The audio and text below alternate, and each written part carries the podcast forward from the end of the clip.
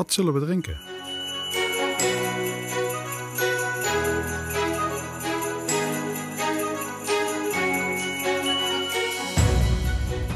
Hey allemaal, welkom bij weer een aflevering van Wat zullen we drinken? De podcast waarin we niet alleen bieren bespreken met een goed verhaal, maar ook het leven vieren in al zijn facetten. Ik ben jouw podcastlijn Bas en vandaag hebben we weer een vers getapte aflevering voor je klaarstaan. Samen tellen we af naar kerst. Dus pak het bier van de aflevering uit het vakje, ga lekker zitten en laten we samen het leven een beetje mooier maken. Proost!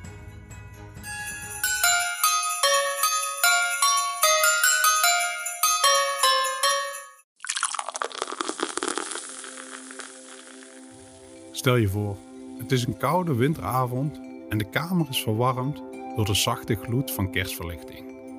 Op de achtergrond klinken zachte kerstliederen en er staat een glanzend glas voor je op tafel, gevuld met een rijk en donker brouwsel.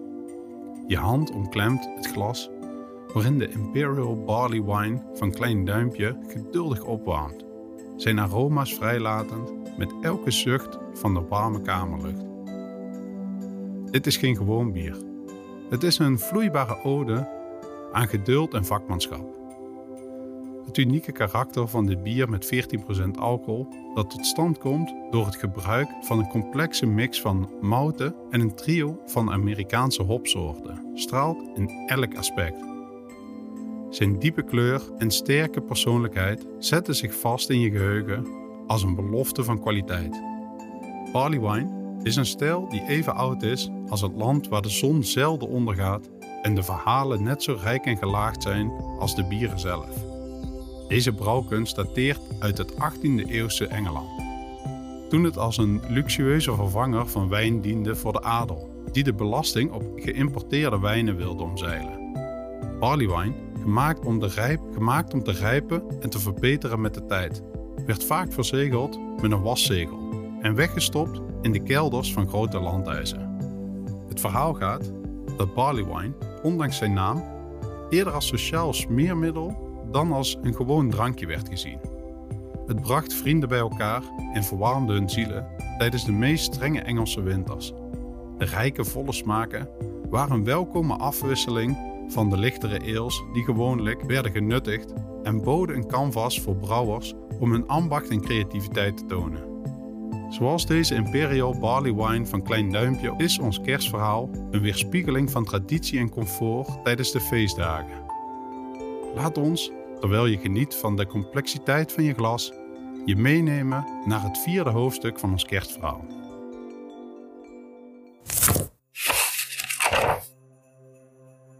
Nog voordat Jasper tijd had om volledig te verwerken wat de eerste geest hem had laten zien, vulde nieuw licht zijn appartement. Dit keer was het een warme, uitnodigende gloed.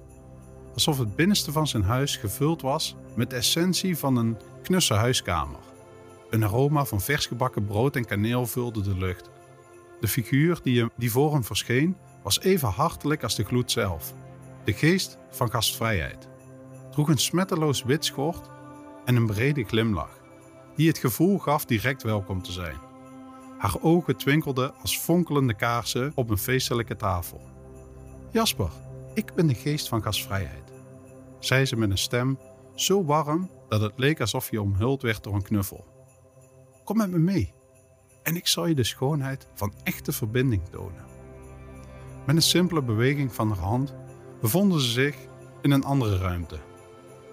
Ze stonden in de woonkamer van een huis dat hij herkende.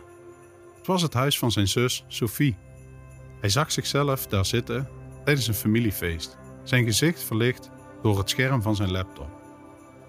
Iedereen was hier samen om van elkaars gezelschap te genieten, behalve jij, sprak de geest van gastvrijheid. Je hebt de waarde van echte gastvrijheid, van werkelijke verbinding over het hoofd gezien. De geest nam hem vervolgens mee naar verschillende huizen waar mensen samenkwamen.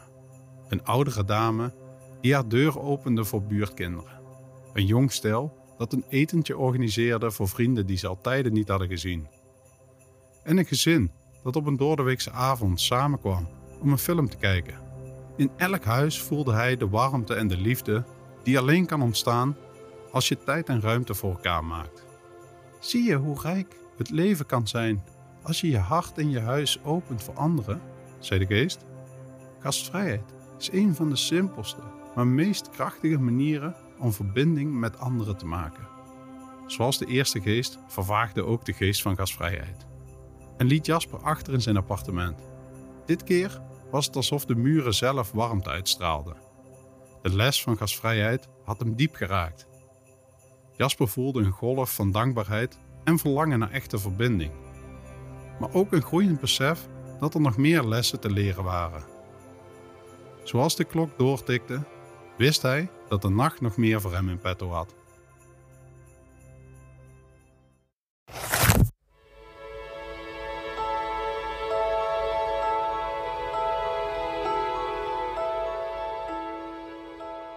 Zo, beste Burgondiërs. Dan zijn we aan het einde van weer een hoofdstuk. En een prachtig glas bier. We hopen dat je net zo hebt genoten als wij. Vergeet niet, het leven is te kort om slecht bier te drinken en saaie verhalen te horen. Morgen wacht een nieuw hoofdstuk en een nieuwe smaak. Maar voor nu, proost op het goede leven. En tot de volgende Wat zullen we drinken aflevering.